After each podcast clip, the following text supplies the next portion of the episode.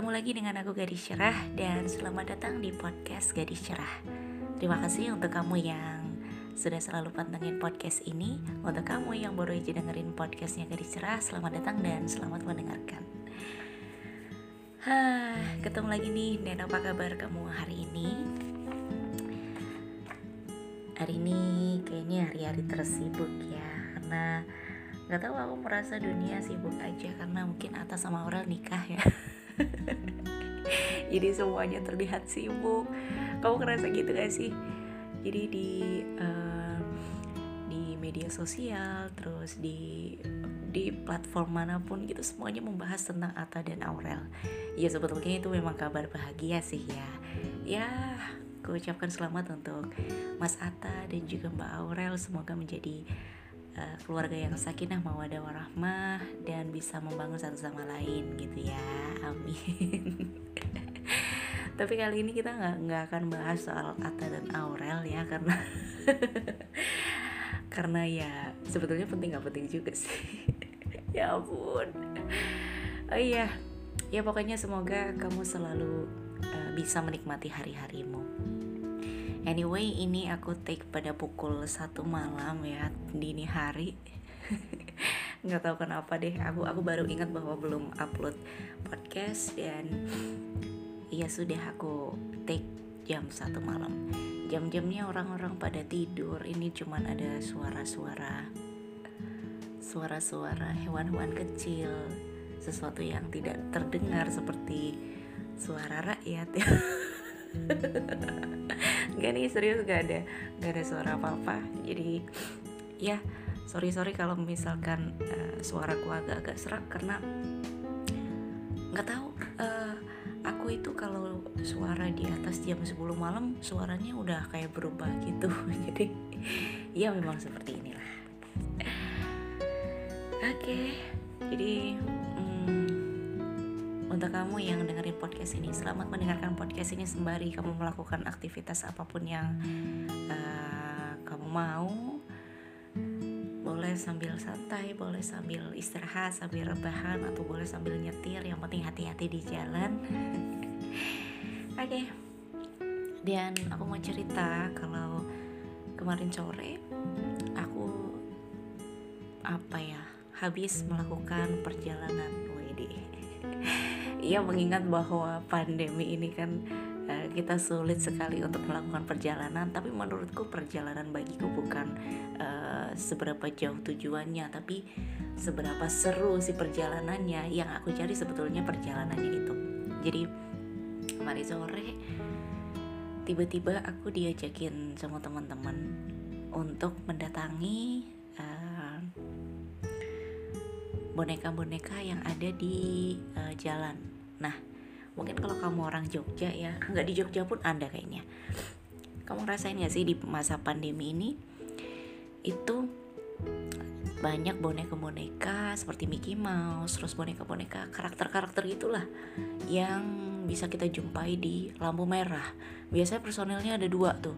Yang satu pakai kostum boneka, yang satu tuh uh, personilnya yang uh, megang MP3 player itu sama kayak nyodorin uh, kantong gitu untuk orang kalau mau ngasih boleh seikhlasnya gitu. Iya ada kan di sekitar rumah kamu mungkin yang nggak ada di Jog yang nggak di Jogja juga mungkin ada ya.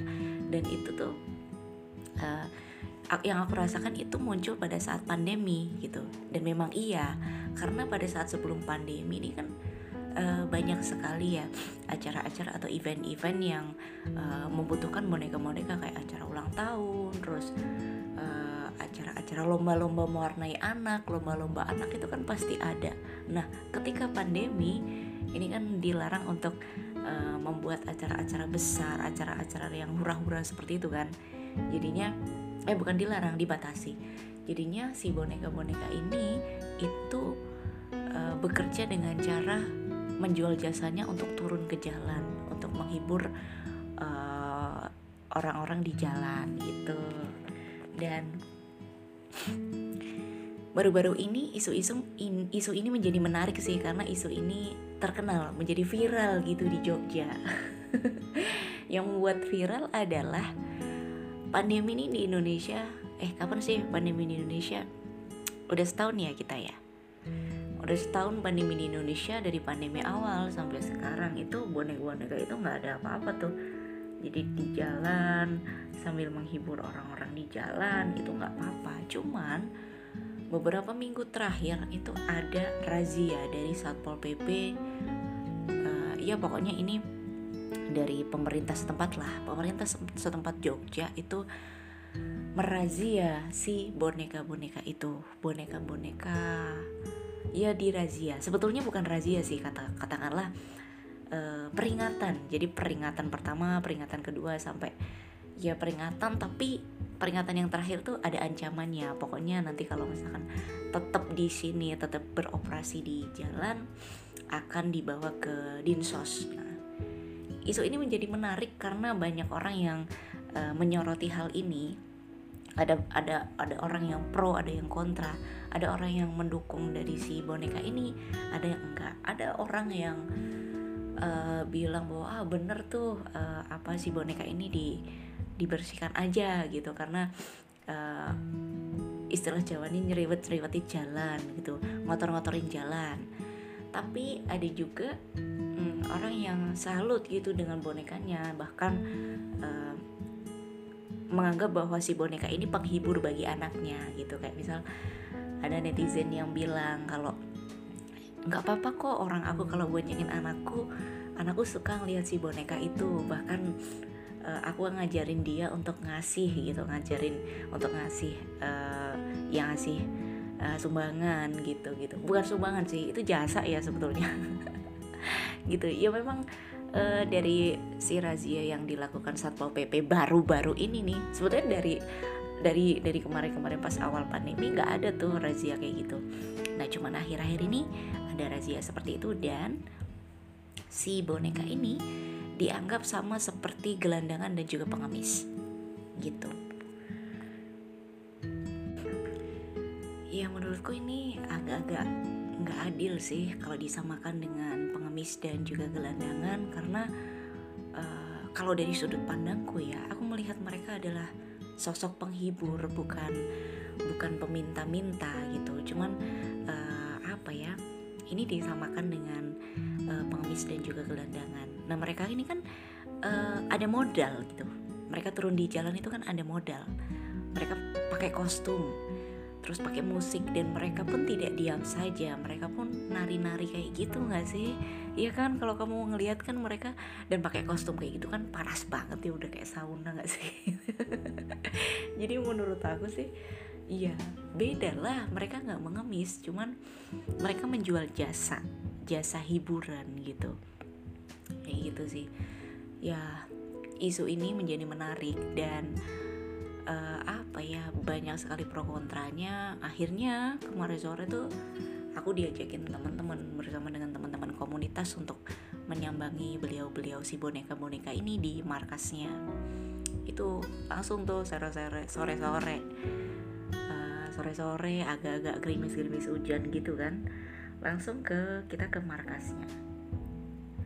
Dan di markasnya itu adalah saat kita saat aku sampai ke sana nih itu markasnya tuh kos-kosan kecil ya. Bilik kecil gitu. Uh, bilik kecil yang isinya ternyata waktu kita datang ke sana itu ada delapan orang gitu. Padahal kamarnya cuma ada dua.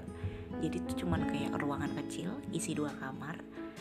Uh, tapi dihuni oleh delapan orang. Dan delapan orang ini adalah kumpulan dari si badut-badut itu cuy. Ini bukan rumah orang cuman kayak base camp. Jadi kayak base camp bertemunya para si badut-badut itu. Dan ya di situlah pembagian strateginya dilakukan gitu. Kayak misal oh aku di lampu merah sini kamu di lampu merah ini gitu. Dan di situ juga tempatnya ngedropnya si kostum itu pada saat aku ke sana dan ngobrol dengan beliau-beliau itu ini menarik dan apa ya bikin aku mikir aja sih. Gitu. Mungkin dari yang kemarin dari yang netizen netizen yang nggak tahu tuh itu bilang bahwa uh, mereka menjual rasa kasihan untuk bisa bekerja dengan cara yang enak gitu. Padahal nih pada saat aku ngobrol ke sana itu kan dia sudah kita disambut dikasih minum juga di sana mereka baik. Mereka adalah uh, intinya mereka itu adalah kumpulan bapak-bapak dan juga ibu-ibu yang uh, apa ya kehilangan pekerjaannya karena pandemi. Jadi semata-mata bukan karena mereka pengen jadi si boneka ini enggak. Dan mereka tuh istilah Jawanya kepepet gitu. Dia memang karena keadaan lalu keadaan yang membuat mereka untuk turun ke jalan menjadi boneka. Gitu. Dan saat mereka tahu bahwa isunya naik gitu kan mereka bilang dan mereka agak nggak terima gitu karena dibilangnya menjual rasa kasihan untuk uh, bisa bekerja dengan cara yang mudah di jalan. Padahal bekerja seperti itu menjadi boneka itu nggak mudah gitu. Nggak mudah banget. Nggak mudah dan saat aku ngobrol dengan mereka ya kayak kita ngobrol ke mereka tuh kayak pengen tahu aja gitu. Sekaligus nambah nambah saudara baru lah nambah teman baru gitu. Pengen tahu lebih jauh tentang mereka. Nah ternyata nih um, mereka itu turun ke jalan. Itu dengan modal tuh bener-bener modal. Karena kostum yang mereka pakai itu bukan kostum miliknya. Mereka tuh pakai kostumnya itu dengan tarif 50 ribu. 50 ribu. Kalau beli kostumnya kostum yang badut itu 2 juta satu set. Satu set tuh satu ya satu boneka ya. Belum sama mp3 nya gitu kan. Nah mereka menyewa. Jadi sistemnya adalah mereka sewa kostum dan untuk turun ke jalan. Itu kemarin aku lihat sih netizen netizen bilang ah mereka tuh mampu masih mampu. Kenapa kok kerjanya seperti itu? Kerjanya jadi boneka. Orang motor aja dia punya diparkir di pinggiran. Heh. Ternyata eh denger ya untuk kamu yang mungkin mikir bahwa uh, kesel nih saya. Ada netizen yang bilang kalau eh mereka kan punya motor motornya kan di pinggir motornya bagus-bagus lagi. Ternyata mereka untuk motor aja mereka juga sewa. Jadi untuk mereka turun ke jalan itu nggak cuma modal si kostum aja tapi juga modal sewa motor dengan tarif macam-macam nih. 24 jam per 24 jam sewa motor itu 20 ribu sampai 40 ribu tergantung tuh kalau motornya kayak NMAX gitu 50 ribu 60 ribu dan itu belum sama bensinnya. Jadi bayangin untuk bisa turun ke jalan tuh nggak cuman modal kayak joget-joget doang enggak jadi mereka tuh bener-bener modal dan ya karena isu ini karena razia dari satpol pp ini membuat mereka benar-benar stuck di rumah di base campnya nggak ngapa-ngapain. Dan mereka memutuskan untuk menghiburnya dari rumah ke rumah. Tidak di jalan lagi gitu. Itu sih jadi ya waktu aku ngobrol sama mereka ada ibu-ibu namanya Bu Siti. Uh, Bu Siti tuh bilang ini menjadi badut itu bukan cita-cita kami. Menjadi badut itu yang ngapain? Panas-panas di jalan menghibur orang padahal hati ini nggak terhibur gitu. Ya Allah sampai bilang gitu. Menjadi badut itu bukan cita-cita tapi ini cuma sementara aja kok mbak gitu katanya. Kalau nanti uh, modalnya sudah terkumpul kita punya uang terkumpul kita akan cari kerjaan lagi kita akan bangun usaha sendiri. Ngapain di jalan kayak gini panas-panas gitu? Sebetulnya mereka jadi badut pun juga nggak happy gitu. Itu bukan kemauan mereka cuman keadaan mereka keadaan yang membuat uh, mereka menjadi badut. Mungkin ada yang beranggapan bahwa kenapa nggak milih pekerjaan lain? Gini gini gini orang kenapa nggak minimal kerja di laundry lah atau jadi kuli bangunan apa gimana? Banyak yang beranggapan seperti itu. Cuman uh, mereka itu bukan nggak mau nyari kerja tapi mereka adalah orang yang dikeluarkan dari kerjanya. Ya kerjanya ya jadi laundry itu jadi kuli terus apa kerja di terminal. Nah mereka nih orang-orang ini yang dikeluarkan dari kerjanya itu makanya jadi badut. Bukan berarti mereka nggak nyari kerja gitu jadi ya aku menyoroti betul bahwa mereka nih bukan semata-mata pengen jadi badut cuman pengen kerja enak. Enggak enggak sama sekali. Mereka keadaan yang membuat mereka menjadi seperti ini karena mengingat memang lapangan kerja itu pada saat pandemi ini uh, apa ya nggak banyak ya nggak banyak gitu. Jadi membuat mereka memutuskan untuk menjadi miris sih sebetulnya. Dan dalam mungkin ada orang yang berpendapat bahwa ah kerja di jalanan kan enak. Setiap menit ada lampu merah ya kan? Banyak orang yang berhenti. Pasti banyak kan yang ngasih. Pasti pendapatannya dalam sehari kan banyak ya. Iya tapi kan nggak tiap hari banyak gitu loh. Kan nggak tiap hari gitu apalagi kalau hujan. Kalau hujan mereka udah udah nggak bisa ngapa-ngapain. Gitu. Miris aja sih dari kedelapan orang itu dan itu tuh mereka mereka mereka tuh orang tua yang memperjuangkan sekolah anak. Mereka bilang ya aku turun ke jalan tuh ya demi anak karena ini uh, tuntutan untuk bisa bayar sekolah anak. Ya aku nggak mau lah aku wes bodoh gitu. Istilah jawanya kayak gini aku wes bodoh ya aku pengen lah anakku jadi bodoh pernah sekolah. Aku nggak mau lah aku udah nggak pinter aku udah bodoh. Aku nggak mau anakku ikutan ikut-ikutan kayak aku. Anakku juga harus sekolah anakku harus pinter. Makanya aku harus kerja apa pun aku lakukan demi anak gitu. Jadi uh, apa ya mereka menjadi badut tuh yang aku dapatkan adalah mereka berusaha untuk menyambung hidup. Bukan mereka mencari kerja yang enak enggak seperti itu. Gitu yang miris lagi itu adalah dalam sehari. Kemarin waktu aku datang ke sana tuh aku diliatin ember berisi uh, uang-uang receh yang dikasih orang-orang untuk jasa mereka. Itu dalam sehari itu mereka tuh dijadikan satu tuh jadi 17 ribu. Bayangin 17 ribu tuh itu dapat apa? 17 ribu tuh dibagi 8 orang. Dan mereka bikin mie instan terus dimakan bareng-bareng pakai nasi. 8 orang itu dan 8 orang itu bukan bukan satu keluarga ya enggak tapi memang kumpulan orang-orang dengan nasib yang sama gitu. 17 ribu.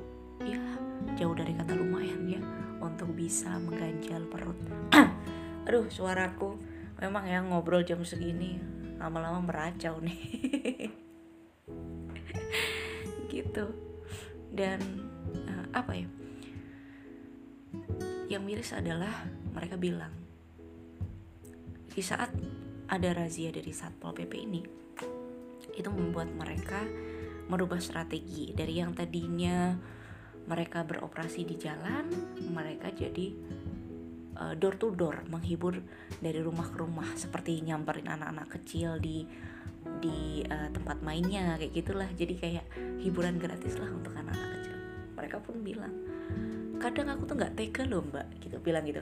Kadang aku tuh nggak tega loh mbak misalkan aku nari-nari gitu terus diliatin anak kecil. Apa ya aku tega menyodorin emberku ke anak-anak kecil? Kayak minta sama anak kecil? Nggak tega lah. Nggak tega lagi kalau kita uh, door to door ke rumah yang kita kenal misalkan di di daerah rumah kita sendiri atau di daerah rumahnya saudara kita itu katanya hatinya sakit banget sih. Ngiris banget sih teriris banget hatinya ketika kan pakai topeng kan nggak kelihatan. Cuman kan kita tahu kita nyodorinnya ke siapa gitu. Gitu. Jadi ya mereka memperjuangkan itu cuman buat makan menyambung hidup gitu. Dan saat kita ngobrol bareng-bareng aku tuh bareng sama teman-temanku. Ada namanya Mbak Ririn ini Mbak Ririn. Mbak Ririn nanya apa ya tentang kebijakan kemarin yang dari pemerintah itu. Kalau dianggap seperti pengemis dan juga gelandangan. Nah mereka dijawab mereka nggak terima gitu. Dan sebetulnya nih sebetulnya nih cuy kalau misalnya kamu pengen tahu mereka-mereka ini aku melihat betul bahwa mereka itu bukan orang-orang yang meminta punya punya mental peminta. Enggak. Justru mereka adalah orang-orang yang punya mental survive karena di saat kondisi kepepet pun mereka masih pengen turun di jalan gitu loh keringetan gitu gitu nah sebetulnya mereka tuh nggak mengharapkan mereka kan dirazia pemerintah nih dirazia satpol pp sampai dibawa ke dinsos dinas sosial dibawa ke penampungan sana. Mereka nih sebetulnya nggak meminta bantuan dari pemerintah loh. Mereka bilang kita nih sebelumnya nggak meminta bantuan dalam bentuk uang kok sama pemerintah. Sama sekali nggak mbak gitu katanya. Yang kita inginkan adalah kesempatan untuk bisa kerja. Nah, ngapain aku minta ke pemerintah? Orang aku masih punya tenaga yang cukup. Fisikku masih sempurna fisikku sempurna. Aku masih bisa kerja gitu. Aku bisa bisa Melayu. Ngapain aku minta bantuan pemerintah?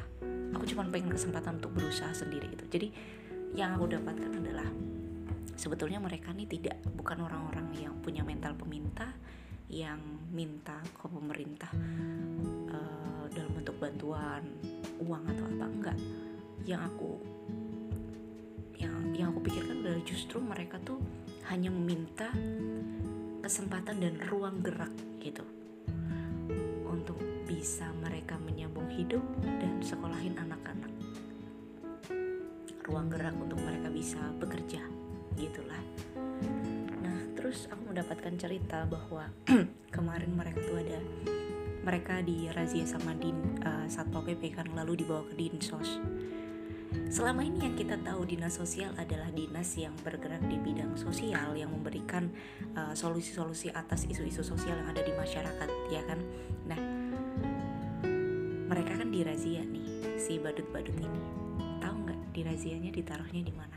Ditaruh di penampungan dan itu dibarengin sama orang-orang yang gangguan jiwa di sana.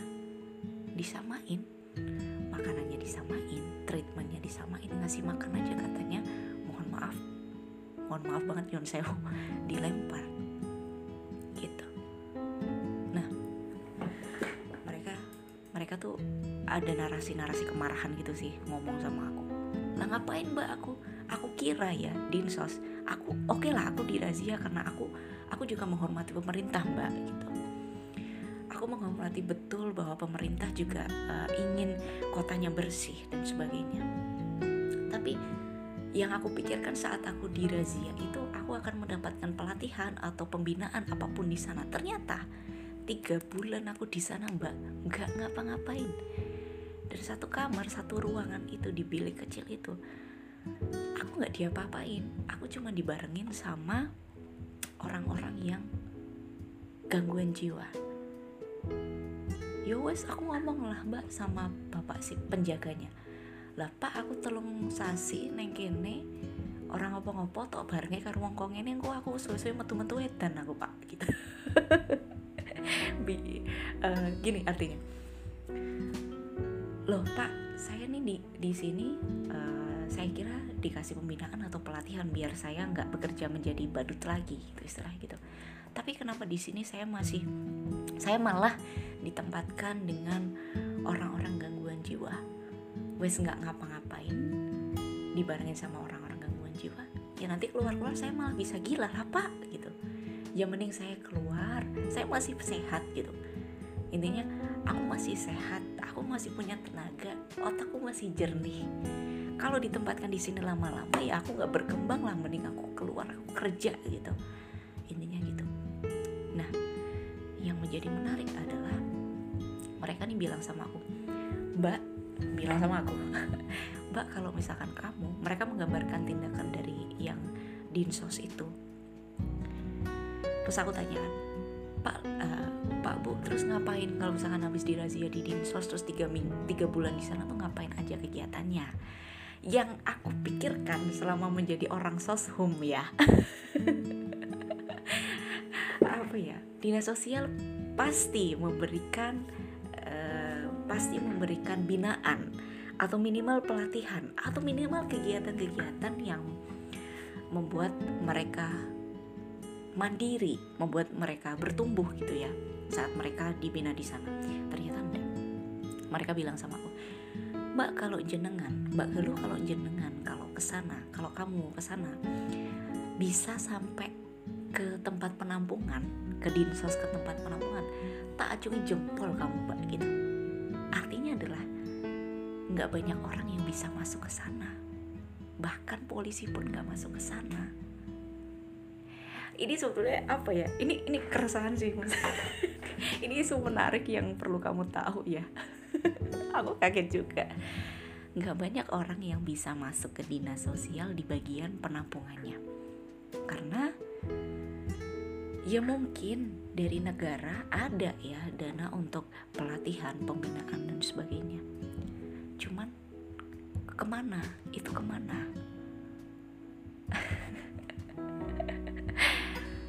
Nah nggak banyak orang yang bisa masuk ke sana karena kalau masuk ke sana mungkin idealisme idealisme kita akan berbenturan ya. Mungkin yang kita tahu dinas sosial itu melakukan pembinaan atau gitu gitu kan. Pada saat kita ke sana kita mengetahui potret yang sesungguhnya. Gitu. Itu sih. Jadi ya apa ya ini menjadi miris aja sih jadi tiga, tiga bulan mereka di sana tuh nggak ngapa-ngapain. Nggak ngapa-ngapain. Ngobrol juga sama orang gangguan jiwa. Sama gelandangan bednya jadi mereka tuh yang nggak nggak nggak terima adalah mereka diberlakukan seperti orang gelandangan padahal mereka sehat. Yang aku lihat sih mereka menjual jasa ya. Mereka terpaksa turun ke jalan. Mereka pun juga membuka jasa. Mungkin kamu yang punya uh, mau hajatan gitu mau ulang tahun apa gimana butuh badut bisa menghubungi mereka? Bisa banget. Nah, jadi ya itu sih yang uh, aku dapatkan di hari kemarin. Jadi untuk kamu yang mungkin di jalan suka ngeliat-liat boneka-boneka di jalan ya apresiasilah mereka sih. Jangan lupa untuk mengapresiasi mereka juga karena mereka pun bekerja. Mereka tuh bekerja. Aku yakin mereka bekerja bukan meminta.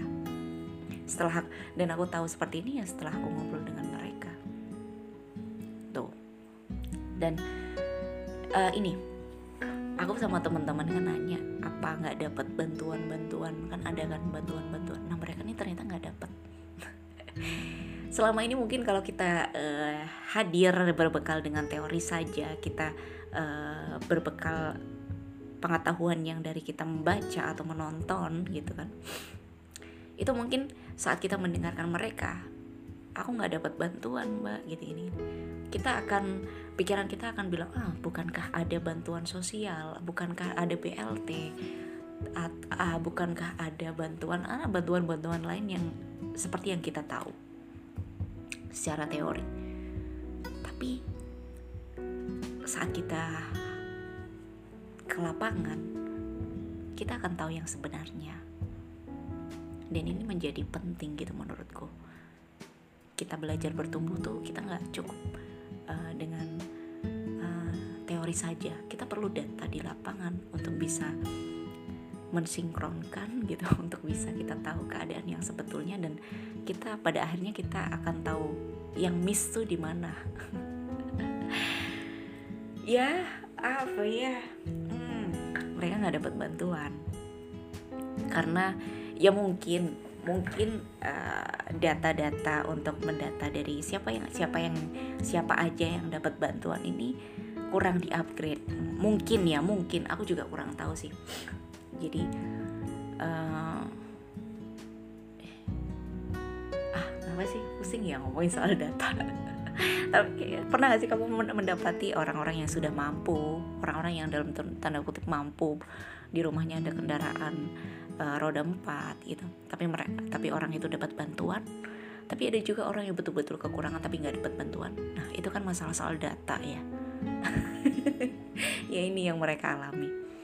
Loh ya kadang apa ya kita perlu gitu loh untuk ke lapangan untuk kita tahu yang sesungguhnya. Aku pernah ke Gunung Kidul ke pelosok-pelosok gitu bener-bener pelosok dan udah kayak hutan ya aku berbekal dengan pengetahuan bahwa akan ada bantuan dari pemerintah untuk mereka. Tapi siapa sangka saat kita menuju ke sana mereka KTP aja nggak punya, KTP aja nggak punya, gimana mau dapat bantuan? Nah, jadi ya itu sih yang aku dapatkan saat bertemu dengan mereka bahwa kita nggak cukup untuk mencari tahu dengan apa yang sudah kita baca, apa yang sudah kita tonton. Kadang kala kita perlu tahu dari mereka langsung, dari ngobrol dengan orang langsung. Dan ngobrol ini menjadi penting sih menurutku. Aku menganggap ngobrol ini penting dan ya sarana belajar kan tidak hanya di bangku kuliah atau bangku sekolah saja ya kan.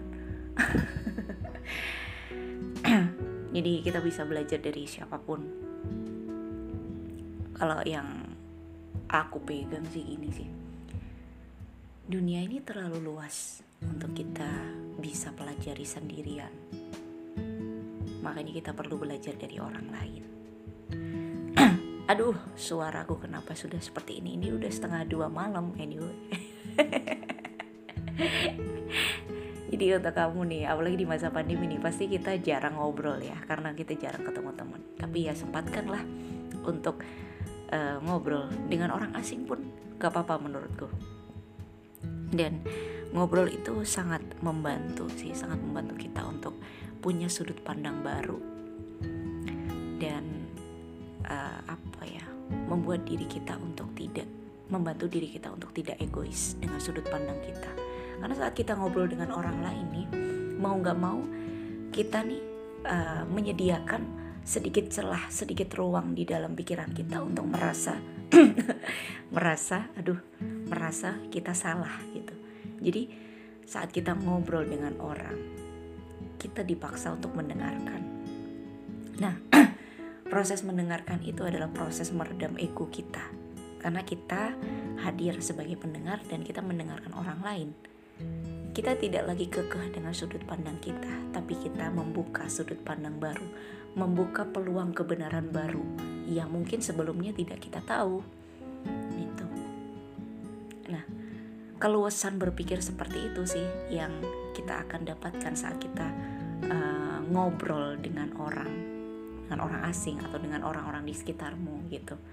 Kita tidak akan menjadi orang yang mudah merasa benar sendiri Ya ngomong-ngomong soal merasa mudah merasa benar sendiri sih kemarin aku baca bahwa akar dari sebuah radikalisme yang saat ini marak di Indonesia nih ya akarnya adalah rasa merasa paling benar sendiri. Akarnya itu cuma itu. Akarnya adalah merasa paling benar sendiri.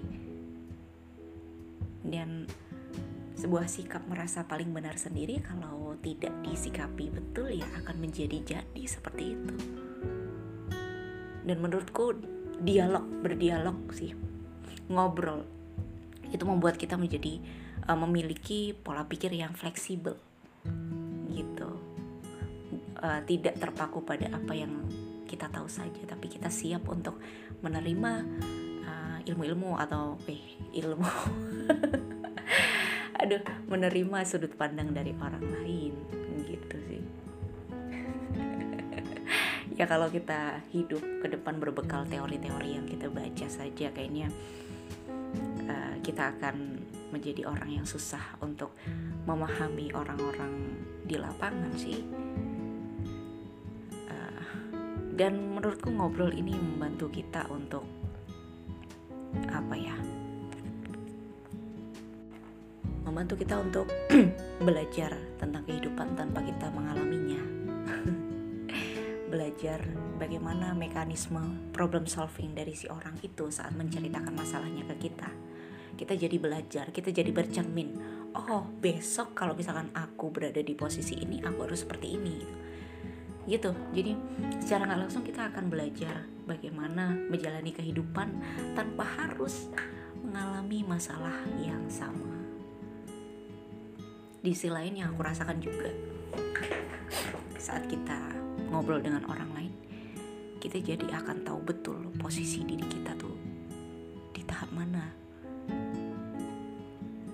Saat aku ngobrol dengan mereka-mereka si badut-badut itu aku jadi paham betul posisiku sekarang nih di mana tepatnya. Apa saja yang sudah aku dapatkan apa yang sudah aku dapatkan namun tidak aku anggap gitu tidak aku nikmati kenapa selama ini uh, kita selalu fokus pada yang belum kita dapatkan tapi mengabaikan apa yang sudah kita dapatkan? Yang sudah kita dapatkan ini bahkan didambakan oleh orang lain gitu. Nah kita akan menjadi orang yang paham uh, posisi kita. Nah kalau diterusin nih jadi alasan untuk bersyukur gitu udah 35 menit kayaknya ini menjadi podcast terlama sih. Di antara podcast podcastku yang lain cuman nggak apa-apa deh ya. Aku jadi inget ngobrol dengan orang lain itu membuat kita memiliki yang namanya imperfection acceptance. Bahwa kita jadi menganggap bahwa ketidaksempurnaan itu manusiawi memang manusia nggak sempurna. Saat kita ngobrol dengan orang dan kita tahu polemik yang mereka hadapi kita jadi berkaca gitu pada diri. Oh ternyata aku mengalami seperti ini itu normal ya.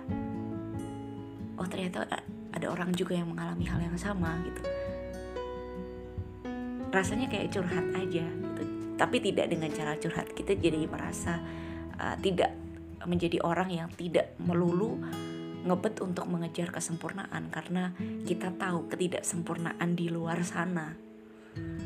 Dan ini juga membantu kita untuk memiliki proses yang namanya hmm, common humanity. Common humanity ini kesadaran adalah kesadaran bahwa individu ini memandang kesulitan atau kegagalan itu adalah hal yang biasa karena banyak nih mungkin yang kita tahu nih anak-anak muda anak-anak milenial ini yang saat saat kita mengalami kegagalan ya ya setiap individu beda-beda ya. Saat kita saat anak muda itu saat kita uh, mengalami kegagalan saat kita mengalami kesulitan kita akan menjadi orang yang uh, merasa paling menderita di dunia ini. Jadi kita merasa paling menderita karena kita sangat akrab dengan kesedihan kita. Nah, dengan kita belajar dari orang lain, kita ngobrol dengan orang lain, kita mendengarkan masalah mereka, yang nggak harus mendengarkan masalah mereka, kita tahu ceritanya mereka, kita akan punya itu tadi common humanity. Kita akan sadar bahwa uh, memang hidup ini memang rentetan masalah demi masalah gitu pada akhirnya kita juga akan bertemu dengan masalah. Masalah itu bukan dihindari tapi kan kita nikmati dan kita hadapi kan? Kita nggak akan merasa sendiri uh, gitu. Kita juga akan jadi belajar gitu bahwa memang semua ini bagian dari hidup. Ini yang memang aku harus jalani. Dan ini adalah hal yang biasa gitu. Common humanity. Jadi memandang uh, diri kita yang bermasalah ini dari potret yang lebih luas. Paham gak sih? Ini udah jam setengah dua ya udah jam hampir jam dua jadi uh, maaf maaf kalau ngomongnya seperti ini ya. Gitu. Jadi pada akhirnya kita akan menjadi orang yang tidak akan terlalu subjektif pada diri. Ya semakin dewasa ini ya semakin dewasa ini uh, kita yang aku dapatkan sih kita harus menjadi orang yang pandai untuk menyeimbangkan diri. Di luar sana banyak banyak sekali wejangan-wejangan atau saran-saran yang uh, uh, apa ya? Rangkulah dirimu sendiri gitu. Kembalilah pada dirimu sendiri, cintai dirimu. Itu kan banyak tuh ya kamu mendapatkan uh, uh, apa ya sudut pandang sudut pandang itu cintai dirimu self love love yourself gitu gitu tapi ternyata kita juga perlu mengambil jarak dengan diri kita sendiri. Kalau katanya uh, Mas Sabrang ya, Mas Sabrang Noeleto, anaknya Cak Nun nih, kita perlu menjadi, uh, kita juga perlu menjadi orang uh, sudut pandang ketiga. Kita perlu mengambil jarak dengan diri kita untuk sekedar biar tahu sebenarnya kita kenapa sih selama ini. Jadi kita meneropong dari jauh nih diri kita nih sekarang nih lagi posisinya lagi gimana kita lagi kenapa apa yang perlu kita lakukan setelah ini gitu. Biar berpikir jernih aja. Karena kalau kita terlalu akrab dengan diri sendiri terus-terusan itu juga kurang baik. Karena ya kita akan terus selalu merangkul diri kita, merasakan kesedihan kita, kesulitan kita gitu. Nah, mengambil jarak itu perlu untuk kita menyeimbangkan antara logika dan juga rasa. Saat kita dekat dengan diri kita sendiri, kita akan akrab dengan rasa, tapi kita mengambil jarak itu kita melibatkan logika kita kembali gitu. Ya, itu sih yang aku dapatkan kemarin. Semoga kamu juga mendapatkannya saat kamu ngobrol dengan teman-temanmu, lingkungan sekitarmu juga. Aku yakin kamu juga mendapatkan ini sih saat kamu ngobrol dengan teman-temanmu. Di masa pandemi ini, di saat kita terbatas ya, tidak punya banyak waktu, bukan banyak waktu sih, banyak ruang ya, karena kan uh, karena jarak ya, karena pandemi ini jarak. Tidak banyak ruang untuk bisa ngobrol dengan teman. Sempatkan untuk menanyakan kabar ke teman-teman lama kamu atau saudara-saudara jauh gitu. Karena ya itu sangat membantu sih. Sangat membantu kita untuk terutama mengatasi sebuah sebuah apa ya keresahan yang dialami di masa pandemi ini keresahan itu bernama kesepian rasa kesepian Oke deh, gitu aja untuk podcast kali ini. Terima kasih banyak udah dengerin. Selamat beristirahat dan sampai jumpa di episode selanjutnya. Dadah.